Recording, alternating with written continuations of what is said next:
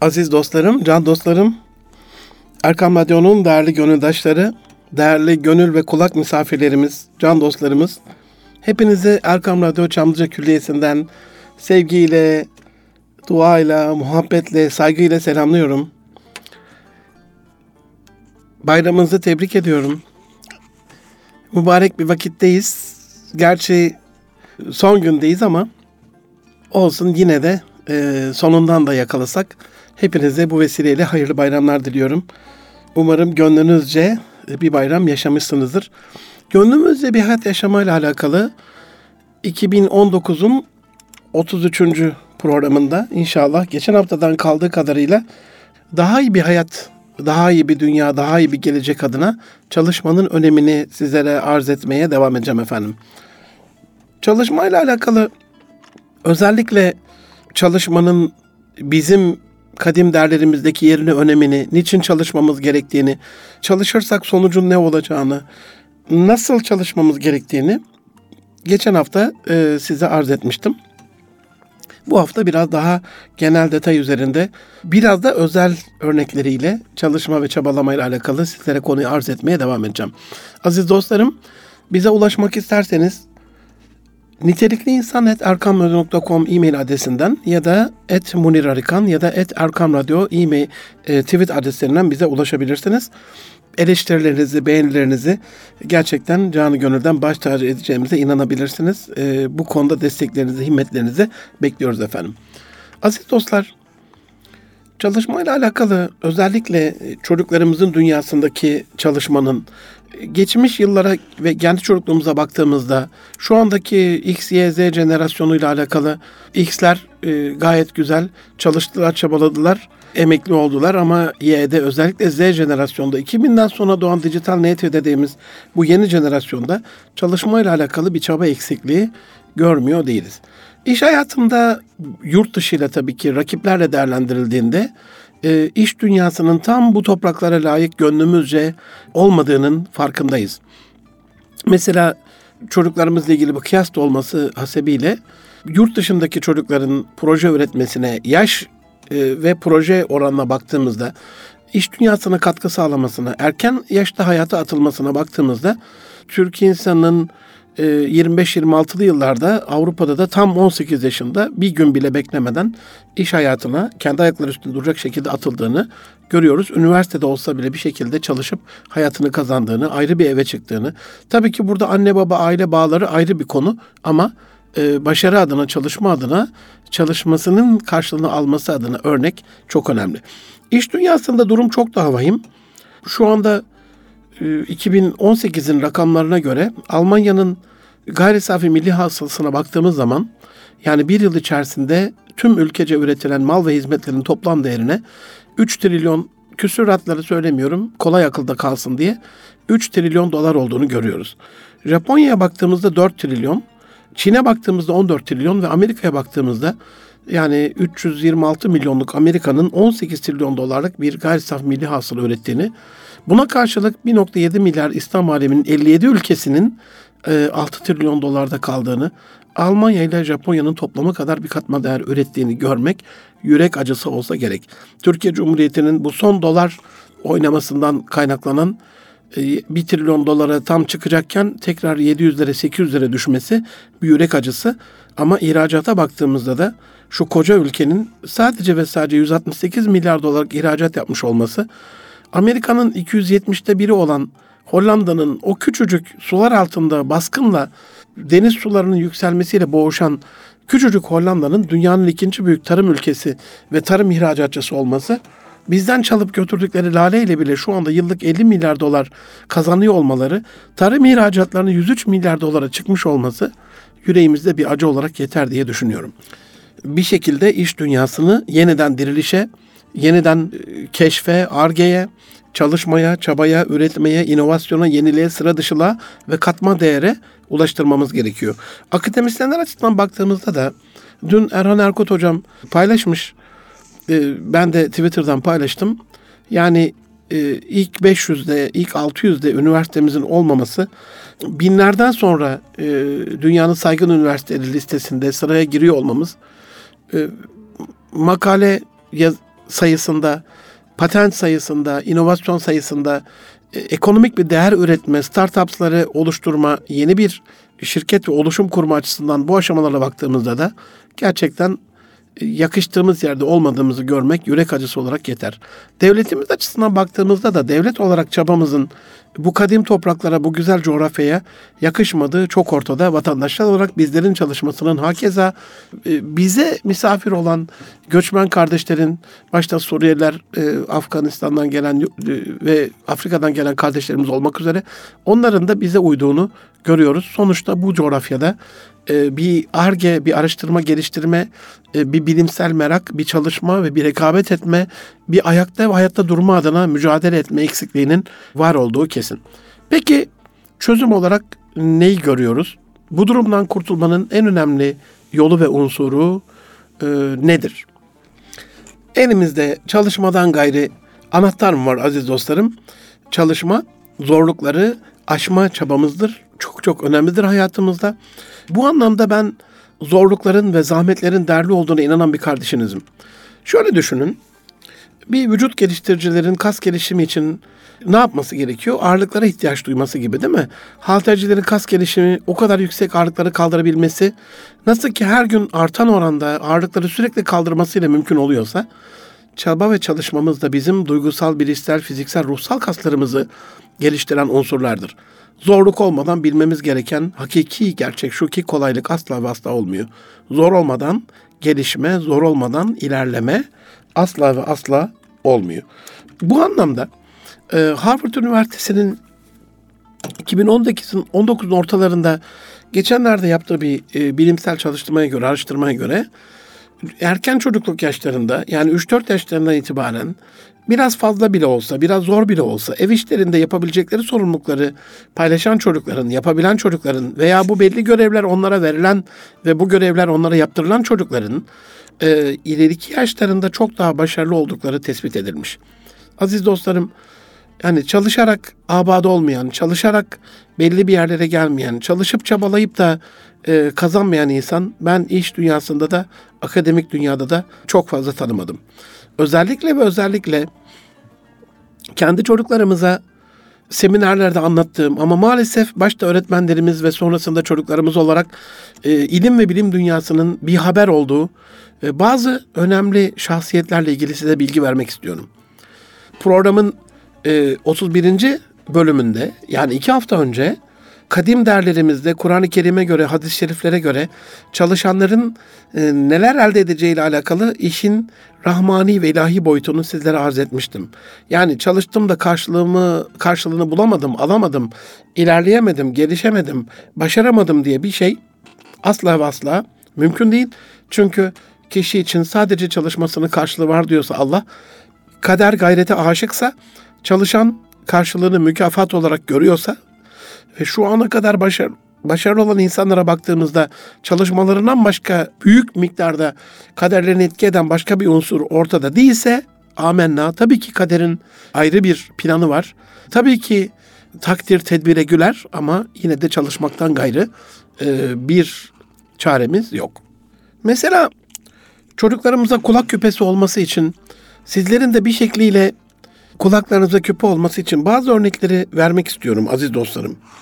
Yani zihninizde acaba her çalışan çalışmasının mükafatını alıyor mu diye bir şeyiniz varsa şimdi size anlatacağım birkaç tane hocamızın hayatını, ibretlik hayat öyküsünü okumanızı öneririm. Bunlardan birincisi bir genetik yüzyılındayız. Şu anda dünyanın en iyi üniversiteleri açıklandı. Geçen hafta Harvard yine bir numarada ve Harvard'da e, genetik enstitünün, genetik bölümünün başında olan Gökhan Hotamışlıgil, Profesör Doktor Gökhan, Hotamışlıgil dünyanın en iyi genetik profesörü. İkinci Umut Özcan da yeni profesörlüğünü aldı. O da Harvard'da genetik anabilim dalı başkan yardımcısı. O da Gökhan Hotamışlıgil beyefendi ile beraber dünyanın en iyi ikinci yani bir ve ikiyi biz paylaşıyoruz. Ee, karaciğer nakline baktığımız zaman karaciğerde Münci Kalayoğlu bu şu ana kadar dünya tarihinde en fazla başarılı karaciğer naklini yapan bir insan. Gazi Yaşargil hocamıza baktığımız zaman dünyada en iyi beyin cerrahisinde e, başarılı insan. Mehmet Öz hocamıza baktığımızda dünyada gelmiş geçmiş 100 yılın değil 1000 yılın milenyumu doktoru kabul edilen dünyanın en iyi kardiyoloğu. Bu örnekler bize daha bir sürü örnek sayabilirim. Dünya tarihinde başarılı insanların çalışmalarıyla bir yerlere geldiğini gösteren en büyük unsurlar. Yokluklar var, zorluklar var, sıkıntılar var hayatlarında ama o sıkıntılar bir şekliyle engelleri aştığında onları çok daha güzel bir yere getirmiş. Mesela tam bir hac dönemindeyiz. Kurbanın da dördüncü günündeyiz. Hacdan bir örnek vermek istiyorum çalışmayla alakalı aziz dostlarım. Hacda bir kolay işler vardır, bir de zor işler vardır. Ama kimse hacdan ve umreden geldiğinde oradaki kolay rükünleri, görevleri, işleri nasıl yaptığını anlatmaz. Mesela tavaf kısmen kolaydır. Şu anda yani hac döneminde biraz yoğun olduğunu, zahmetli olduğunu biliyorum. Ama kısmen kolaydır dedim zaten. Kolaydır demedim. Safa Merve arası say kısmen kolaydır. Mina Müzdelife şeytan taşlama kısmen kolaydır. Ama bunların içerisinde Arafat'ta vakfe bekleme evet sıkıntılı şeyleri vardır ama kısmen kolaydır.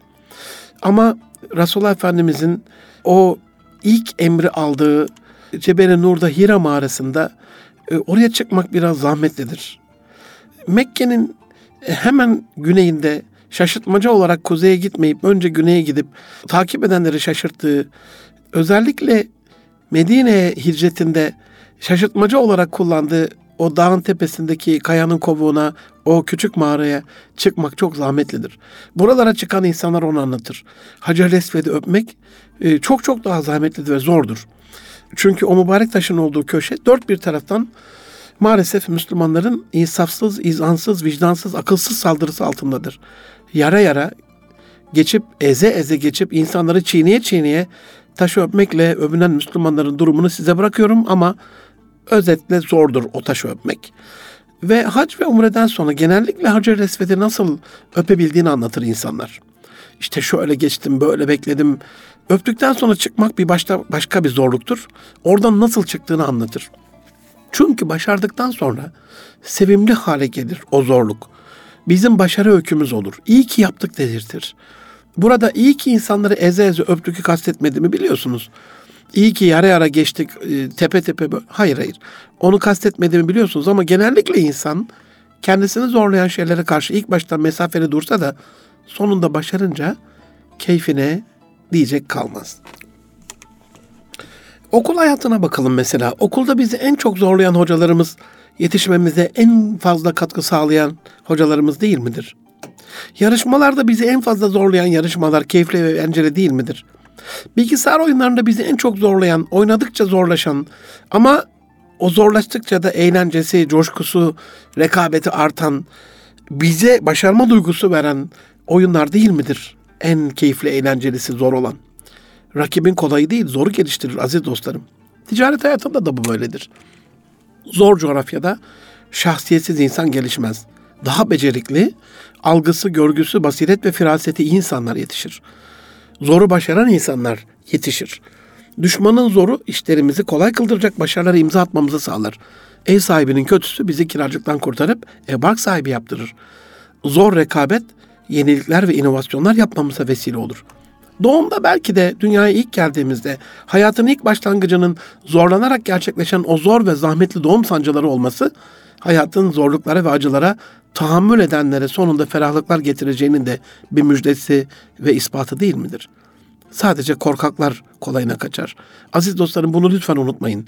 Çalışmaktan kaçanların başarı yakalaması imkansızdır. Bir daha çıktığımızda zirveye çıkış öykülerimizi insanlara ilham vermek üzere övüne övüne anlatırız. Ama 3-5 metrelik bir tepeye çıkıp inip çıkmak ne insanlar nezdinde bir saygınlık yaratır ne de bize bir tecrübe kazandırır. Onun için e, 3-5 metrelik bir tepeye çıkma yerine 10 bin metreye yakın yükseklikteki Everest'e çıkmamızı hayatımızın öyküsü haline getirir. Oradan ilham alır, onun anlamlı kılar ve bu çalışmayı övüne övüne anlatırız. Ve bu çaba ve çalışmanın, bu zorlukları yenmenin o üç aylık e, ölümü göze alarak e, o tepeye çıkıp inmemizin mükafatı özgüvenimizde, kendimize olan saygımızda patlamaya yol açar. Artık hiçbir iş bize zor gelmemeye başlar. Orada zirve yolunda elde ettiğimiz arkadaşlığı ve takımdaşlığı keşfederiz, anlamlandırırız, değerli kılarız. Zor zamanlarda nasıl kritik kararlar alarak yola devam edeceğimizi ve ettiğimizi anlatırız insanlara. Zorluklardan kolaylığı öğrendiğimizi ifade ederiz. Sonuçta zorluklarla mücadele verdiğimiz için her çaba bizi eğitir ve geliştirir. Çalışmak aynı zamanda insan ruhunu dinlendiren, onu rehabilite eden, ona huzur kaynağı olan bir çabadır. Kaytaran insanlar değil aziz dostlarım. Sorumluluklarını yerine getiren, yan gelip yatan değil, ölümüne mücadele eden insanlar daha rahat uyur başını yastığa koyduğunda. Şirketlerde iki tür insanlar vardır. Birisi sığıntı insan, 8.30'daki mesaiye 9.30'da 10.30'da gelen, 5'te çıkılacak mesaiye saat 4 olduğumuz saate bakan, ilk fırsatta fabrikayı, iş yerini terk eden insanlar. Bunlar sığıntı insanlardır. Bir de orada ölümüne mücadele eden, orayı sahiplenen, aidiyeti yüksek olan ve sorumluluğunun farkında olan kadir şinas insanlar vardır. Birinci tür insan şirkette bir problem olduğunda, şirket küçülmeye gittiğinde ilk atılacak insandır. Çünkü sığıntı insandır. Zoraki kalıyordur. Başarılı değildir, katkısı etkisi yoktur. Varlığı varlığımız armağan olmayan bir insandır. Ama ikinci insan orayı yüksek bir sorumlulukla sahiplenen, yüksek bir adiyet duyan, o işi kendi işi bilen insan fabrikada şirket sahipleri, yönetim kurulu üyeleri bir yanlış yaptığında sığıntı insanlar onlara yol göstermezler. Bir öneride bulunmazlar. Şirketin gelişimine katkı sağlamazlar. Onlar neme lazımcı, eyyamcı, bana necidirler.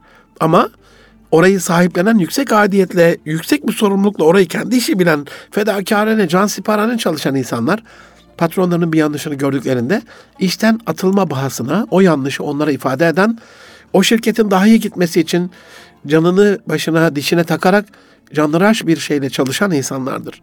Dolayısıyla insanlar o fedakarane çalışmaları takdir ettikleri için bir anlamda o mücadele eden insanların şirkette kalıcılıkları kesin olur ya da onların sözleri sığıntı insanlar gibi yürek yaralamaz. Ama sığıntı insan ne söylerse söylesin o gönlünüzde yer etmez. Bu anlamda çalışmak insanların gönlüne girme kapısıdır. Çalışmak bir gönül kapısıdır aziz dostlarım. En kestirme gönül kapısı örnek olacak bir tempoda özverili ve fedakarane bir çalışmadır. Çünkü insanlar bunu takdir ederler.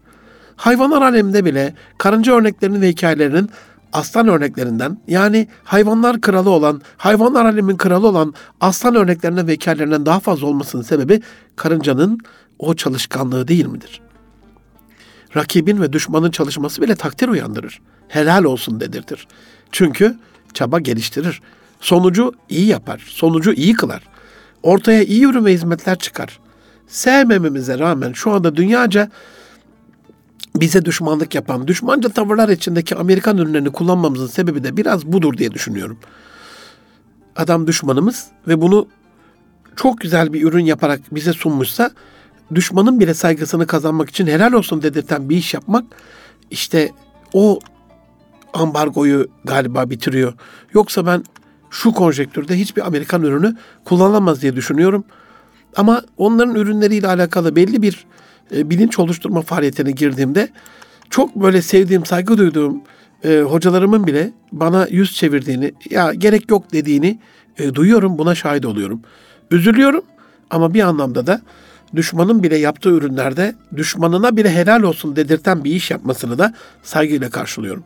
Kaldı ki çevremizde hep düşmanlarımız yok aziz dostlarım. İlk kişisel çevremiz dar çerçevede ailemiz. Anne babamızın saygısını kazanmak adına çok ama gerçekten çok çalışmalıyız.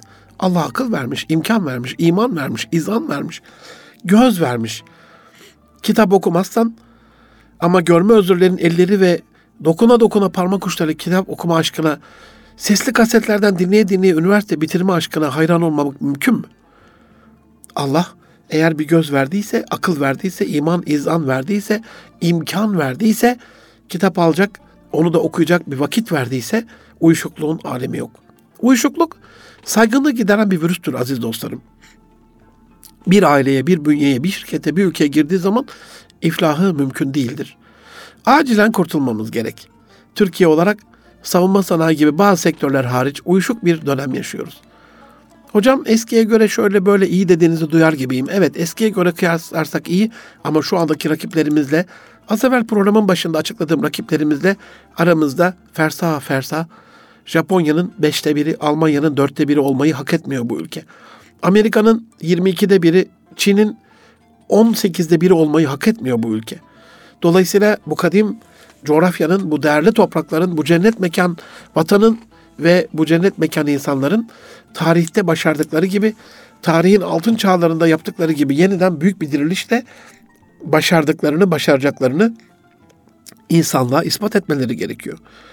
Üniversitelerimizin şu açılış döneminde aziz dostlarım, elimde olsa o giriş kapılarına koca koca tabelalar asarak, çocuklar şehrimizin bir rektör olarak söylüyorum bunu. Resmimi de koyarım oraya, rektörünüz diye de imzamı da atarım. Çocuklar, şehrimizin, ülkemizin, bölgemizin en büyük on sorunu bu. Bu dört yıl içinde bizim de, de bizim de bizlerin de desteğiyle bu dertlere çare bulmadan, bu derde çare olmadan bu şehirden gitmeyin demesi lazım rektörlerimizin. Yurt dışına en fazla döviz ödediğimiz ilk 100 ürünü onun muadili hatta Selçuk Bayraktar ağabey gibi daha iyisini yapabilecek kaynak ve kudrete sahipsek aileler, okullar, üniversiteler, askerler ve kurumlarımız böylesine büyük hedefler vermeleri lazım diye düşünüyorum. NASA'nın tespit ettiği uydu haritasını yayınladığı 2000-2017 döneminde dünyada en fazla yeşillenen, en fazla ağaçlandırma yapan ülkeler sıralamasına ilk beşe girmişiz. Buna rağmen yukarıdan bakıldığında Türkiye hala koca bir çöl. Daha fazla ağaçlandırma faaliyeti lazım. Daha fazla çalışmamız ve çabalamamız lazım. Ama şu andaki bununla alakalı çabamız az. Bir insan bile bile nasıl lades yapar, bir ülke bile bile nasıl ayağına kurşun sıkar bunu bilmiyorum ama ormanımızın az olması, ülkemizin çölleşmesi bu ülkenin en büyük sorunlarından bir tanesi olsa gerek. İlerideki nefes alma kalitemiz, nefes alma kalitemiz de hücresel kalitemiz, o da yaşam ömrümüzü ve sağlığımızı, sıhhatimizi, afiyetimizi etkiliyor. Düşüncemiz bile oksijen bolluğuna bağlı, düşünce kalitemiz. Bu anlamda genetik kalitemiz de bir anlamda ona bağlı. Bu anlamda ülkemizi ağaçlandırma faaliyeti şart.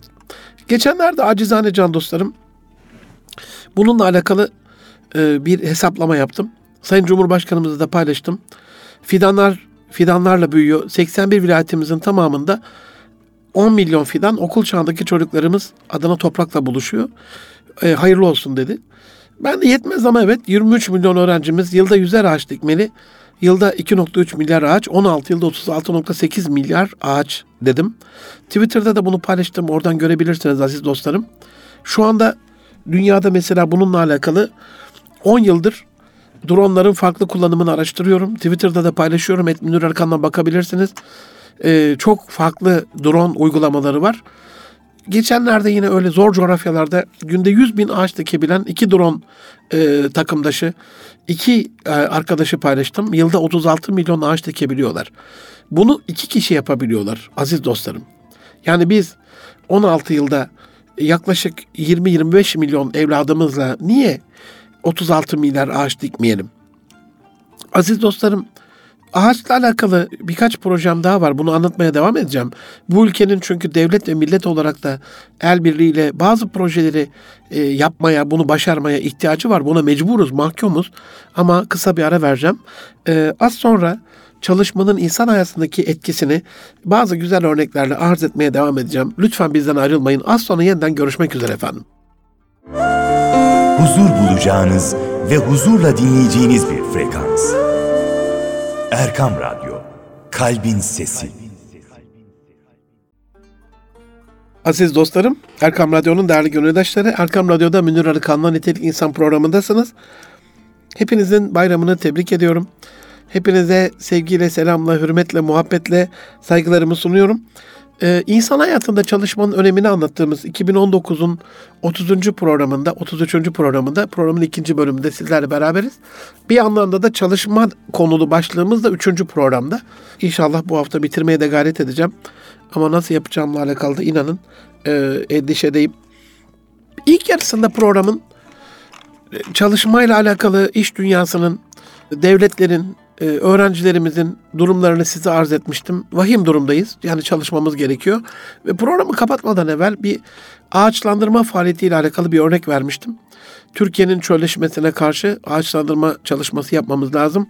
Yani Sayın Cumhurbaşkanımızın başlattığı bu fidanlar fidanlarla büyüyor. 81 vilayetimizin tamamında 10 milyon fidan okul çağındaki evlatlarımız adına toprakla buluşuyor. Hayırlı olsun. Cumhurbaşkanımızın ifadesi bu. Ben de yetmez ama evet 23 milyon öğrencimiz yılda 100'er ağaç dikmeli. Yılda 2.3 milyar ağaç. 16 yılda 4 artı 4 artı 4 artı 4'te 4 kere 4 16. 16 yıl boyunca ilk öğretimden üniversiteye kadar 36.8 milyar ağaç yapıyor. Ve en son şey söylemiştim. iki drone arkadaşı e, dronlarıyla yılda 36 milyon ağaç dikebiliyorlarsa bizim 36 milyar ağaç dikmememiz mümkün değil. 25 milyon öğrencimizle, gencimizle. Aziz dostlarım en az bütün segmentlerde farklı farklı mesela 6 milyon e, üniversitelimiz var. 10 milyon emeklimiz var. 20 milyon, 22 milyon ailemiz var. Sadece kahvehane müdavimleri bu ülkenin e, 5-6 milyon. Onar ağaç diktiklerinde bu 38 milyarı da aşacağımız, e, 36 milyarı da aşacağımız çok kesin. Geçen Twitter'da paylaştığım bu projeyle alakalı Haydi Türkiye çöl olmaktan kurtar kendini. Benden sonra birkaç proje daha oluştu. Bunu paylaştıktan sonra Twitter'da 2018'in sonunda paylaşmışım bunu ama 2019'da hani ağaç bayramımız da olsun, ağaç dikme bayramımız da olsun epey bir bilinç oldu Türkiye'de elhamdülillah. 23 milyon öğrencimiz var. Bunu 25 de diyebiliriz açık öğretim falan okuyan şeylerle. Çünkü 18 milyon ilk orta lisede. Yani yuvarlak hesapla söylüyorum. 6-7 milyonda şeyimiz var. Üniversitede öğrencimiz var. 23 milyon desek bile yeterli. Ağaç dikilebilecek 52 hafta sonumuz var. Her ay ağacına ve bölgesine göre belli ağaçlar ekilebiliyor. Bunu orman mühendislerinden, ziraat mühendislerinden öğrendim. Yani illa ilkbaharda dikilecek diye bir konu yok.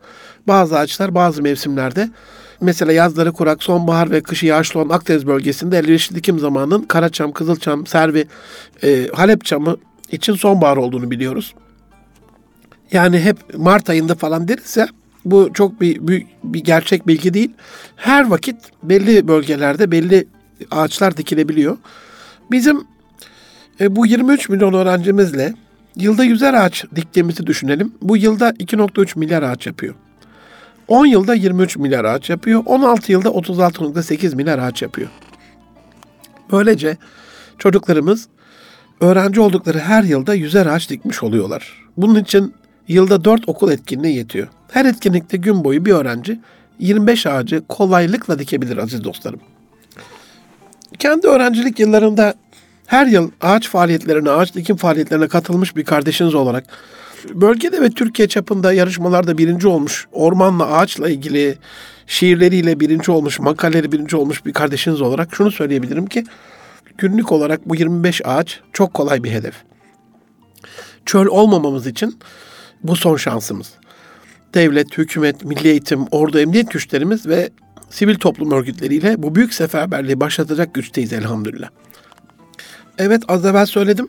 NASA'nın yayınladığı haritaya göre 2002-2017 arasında Türkiye ağaçlandırma faaliyetiyle dünyada ilk beşe giren ülkelerden bir tanesi ama aynı NASA'nın yayınladığı bir rapora göre de Türkiye'nin büyük bir kısmı 2040'ta çöl olacak.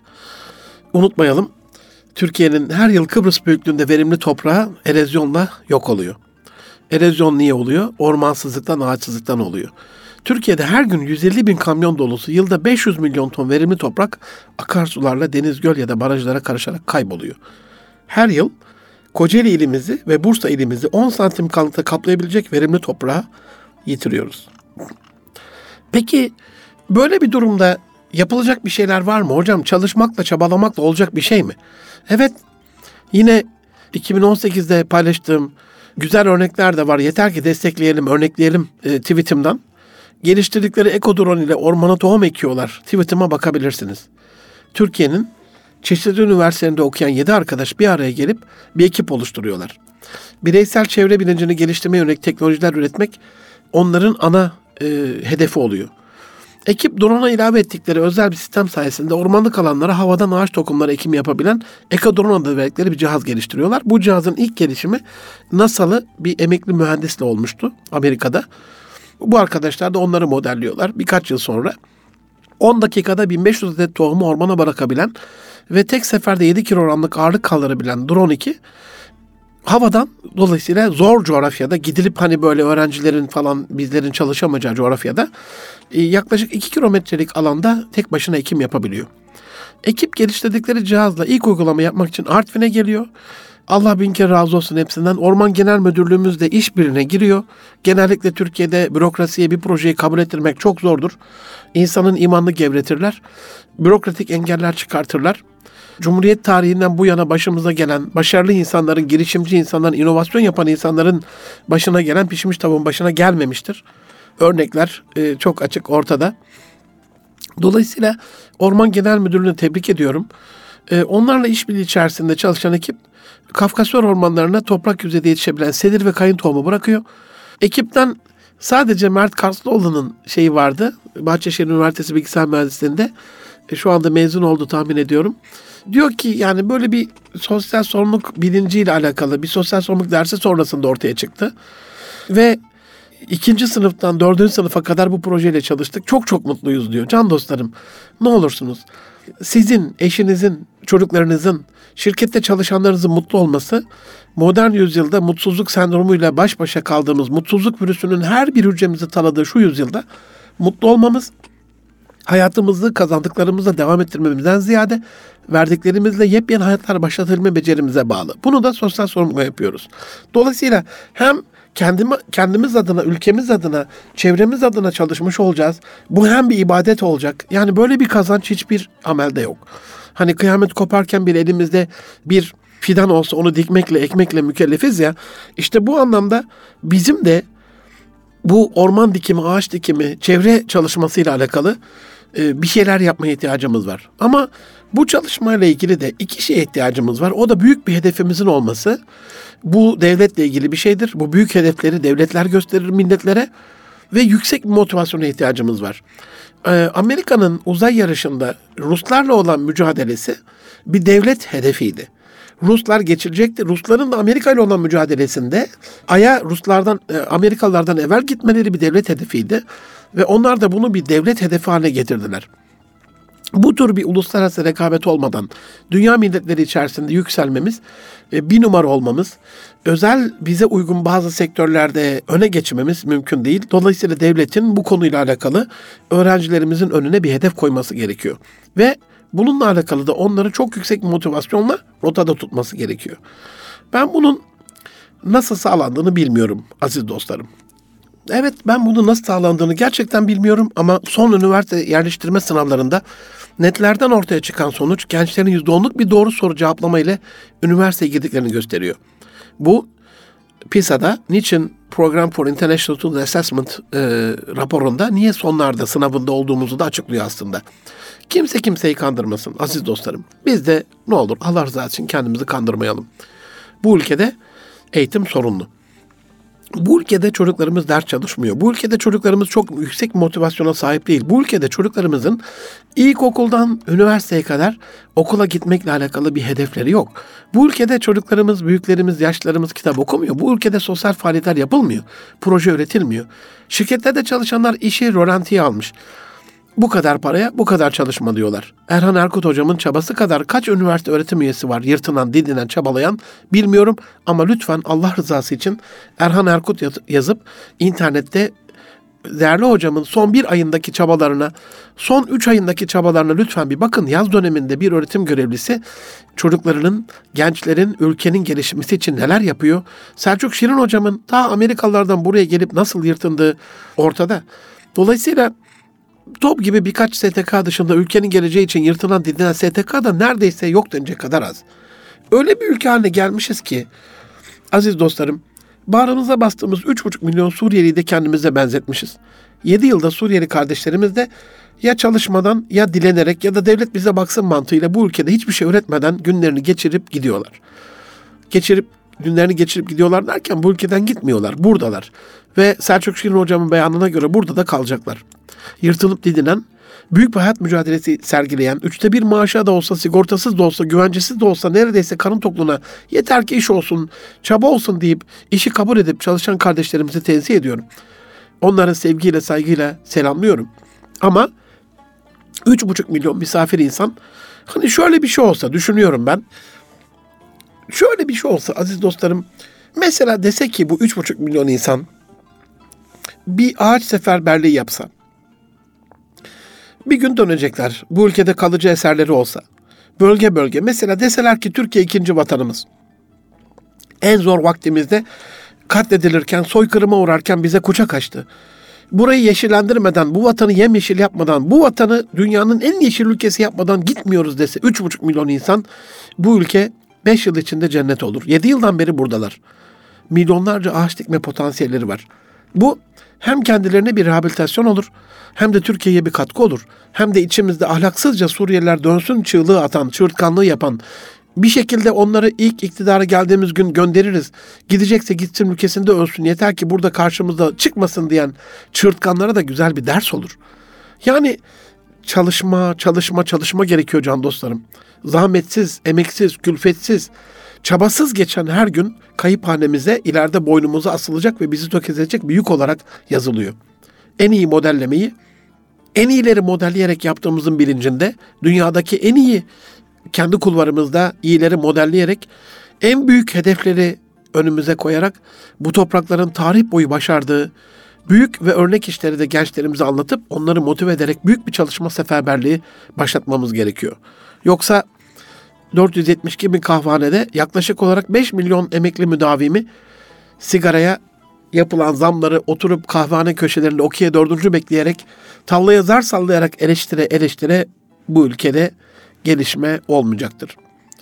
Haftada bir kitap okunsa, her gün söylediğim gibi e, yılda dört defa bir ağaç projesinde 25-30 tane ağaç dikilse, görme özürlü kardeşlerimiz için kitap okunsa, bazı engelli kardeşlerimiz için faaliyetler yapılsa, yaşlarımızın davranışta da yanına gidilse, saçları yıkansa, tırnakları kesilse, sırtları kaşınsa fena mı olur? Bu ülke içinde özellikle iki hedef kitleyi çok çok önemsiyorum. Çocuklarımız yani öğrencilerimiz 25 milyon diyelim buna. 22 milyon ailemiz var. Anne baba işte zaten Türkiye yapıyor. 10 küsür milyon da emekli var. Dolayısıyla çocuklarımızı, öğrencilerimizi çok önemsiyorum. İş dünyasında çalışan kardeşlerimizi çok önemsiyorum. Buradan e, şu okulların açılma döneminde yaklaşık bir ay kaldı harıl harıl okullarında yeni öğretim dönemine hazırlık yapan, okullarını, sınıflarını, bahçelerini, öğrencilerini hazırlayan o gönlü güzel öğretmenleri yüreklerinden öpüyorum. Ama Allah rızası için okulların girişine dünya tarihini değiştiren başarılı insanların hayat öykülerini yazarak büyük büyük okul bahçelerinde iç duvarlar, dış duvarlar bomboş oralara e, sapıkça grafitiler yazarak Nalan Ahmet'i seviyor, e, Ahmet Arzu'yu seviyor şeyleri yazarak e, bu tür ahlaksızlıklarla kötü örnek olma yerine oraları Milli Eğitim Bakanlığımızın üniversitelerin işbirliğiyle Güzel Sanatlar Fakültesine göre duruyor. Oradaki öğrenciler çok böyle yaratıcı faaliyetlerle sanat sanat kar bir şekilde, sanatkarane bir şekilde o duvarları renklendirirler. En güzel şekilde oralara e, tabelalar yapıp gönderebilirler. Onlar oralara asılabilir. Yapılacak çok şey var. O anlamda söyleyeyim çocuklarımızın hayatını zenginleştirme ile alakalı onlara iyi örnekler göstermez, hedefler vermez ve motive edemezsek böyle pizza raporlarının sonucuna bakıp 57 ülkede yine 57. 63 ülkede 63. olmanın bahtsızlığını yaşayacağız gibi görünüyor. Bu anlamda ikinci e, hedef kitlemde iş dünyası. Aziz dostlarım yaklaşık olarak 15 milyona yakın kobimiz var, aile şirketlerimiz var, sanayicilerimiz var, iş insanlarımız var. Ama ihracatımızın da hali ortada, yürek acısı. Hani hedef 500 milyar dolar ihracat deniyor ama şu anda 168 milyar dolarda bir şekliyle katma değeri yüksek ürünler yapmakla alakalı, inovatif ürünler yapmakla alakalı. Çünkü batıyı geçmenin, e, düşmanı geçmenin, rakibi geçmenin tek yolu hakikaten bu. Yani onlar e, şu anda stüdyoda önümdeki küçük e, blok nota not alıyorum. Bu sonuçta bir kağıt ama bunu akıllı kağıt yaptığımızda 20 katı bir değere ulaşıyor. 20 katı bir katma değere ulaşıyor. Elimde normal bir tükenmez kalem var şu anda sesini duyduğunuz çıt çıt şekliyle. Bu kalem 3 lira 5 lira ama e, buna 4 tane renk eklediği zaman dünyada bunu yaklaşık olarak 4 ya da 5 şirket yapabiliyor. Ama içlerinde bizim şirketlerimiz yok maalesef. Yani her bastığınızda farklı bir rengi ortaya çıkan dolayısıyla renkli kalemlerle 4 renkli yazı yazmanızı bir tanesi de kurşun kalem olmak üzere bu kalem inanın 100 e, katı daha değerli oluyor. Şu anda bu elimde tuttuğum kalemden 100-150 katı daha değerli oluyor. Dolayısıyla çalışma ama nasıl bir çalışma? Şirketlerin el ele verip yaptıkları ürünlerle alakalı bir beyin fırtınası. İşte bu da çalışmanın odak noktası. Ee, kendi kafalarına göre değil İngilizleri çok sevmem ama decision making yani karar yapma kelimelerini çok önemsiyorum. Bizde karar alma vardır, karar verme vardır. Ama İngilizlerde hani decision making derler. Karar yapılır bir şekilde.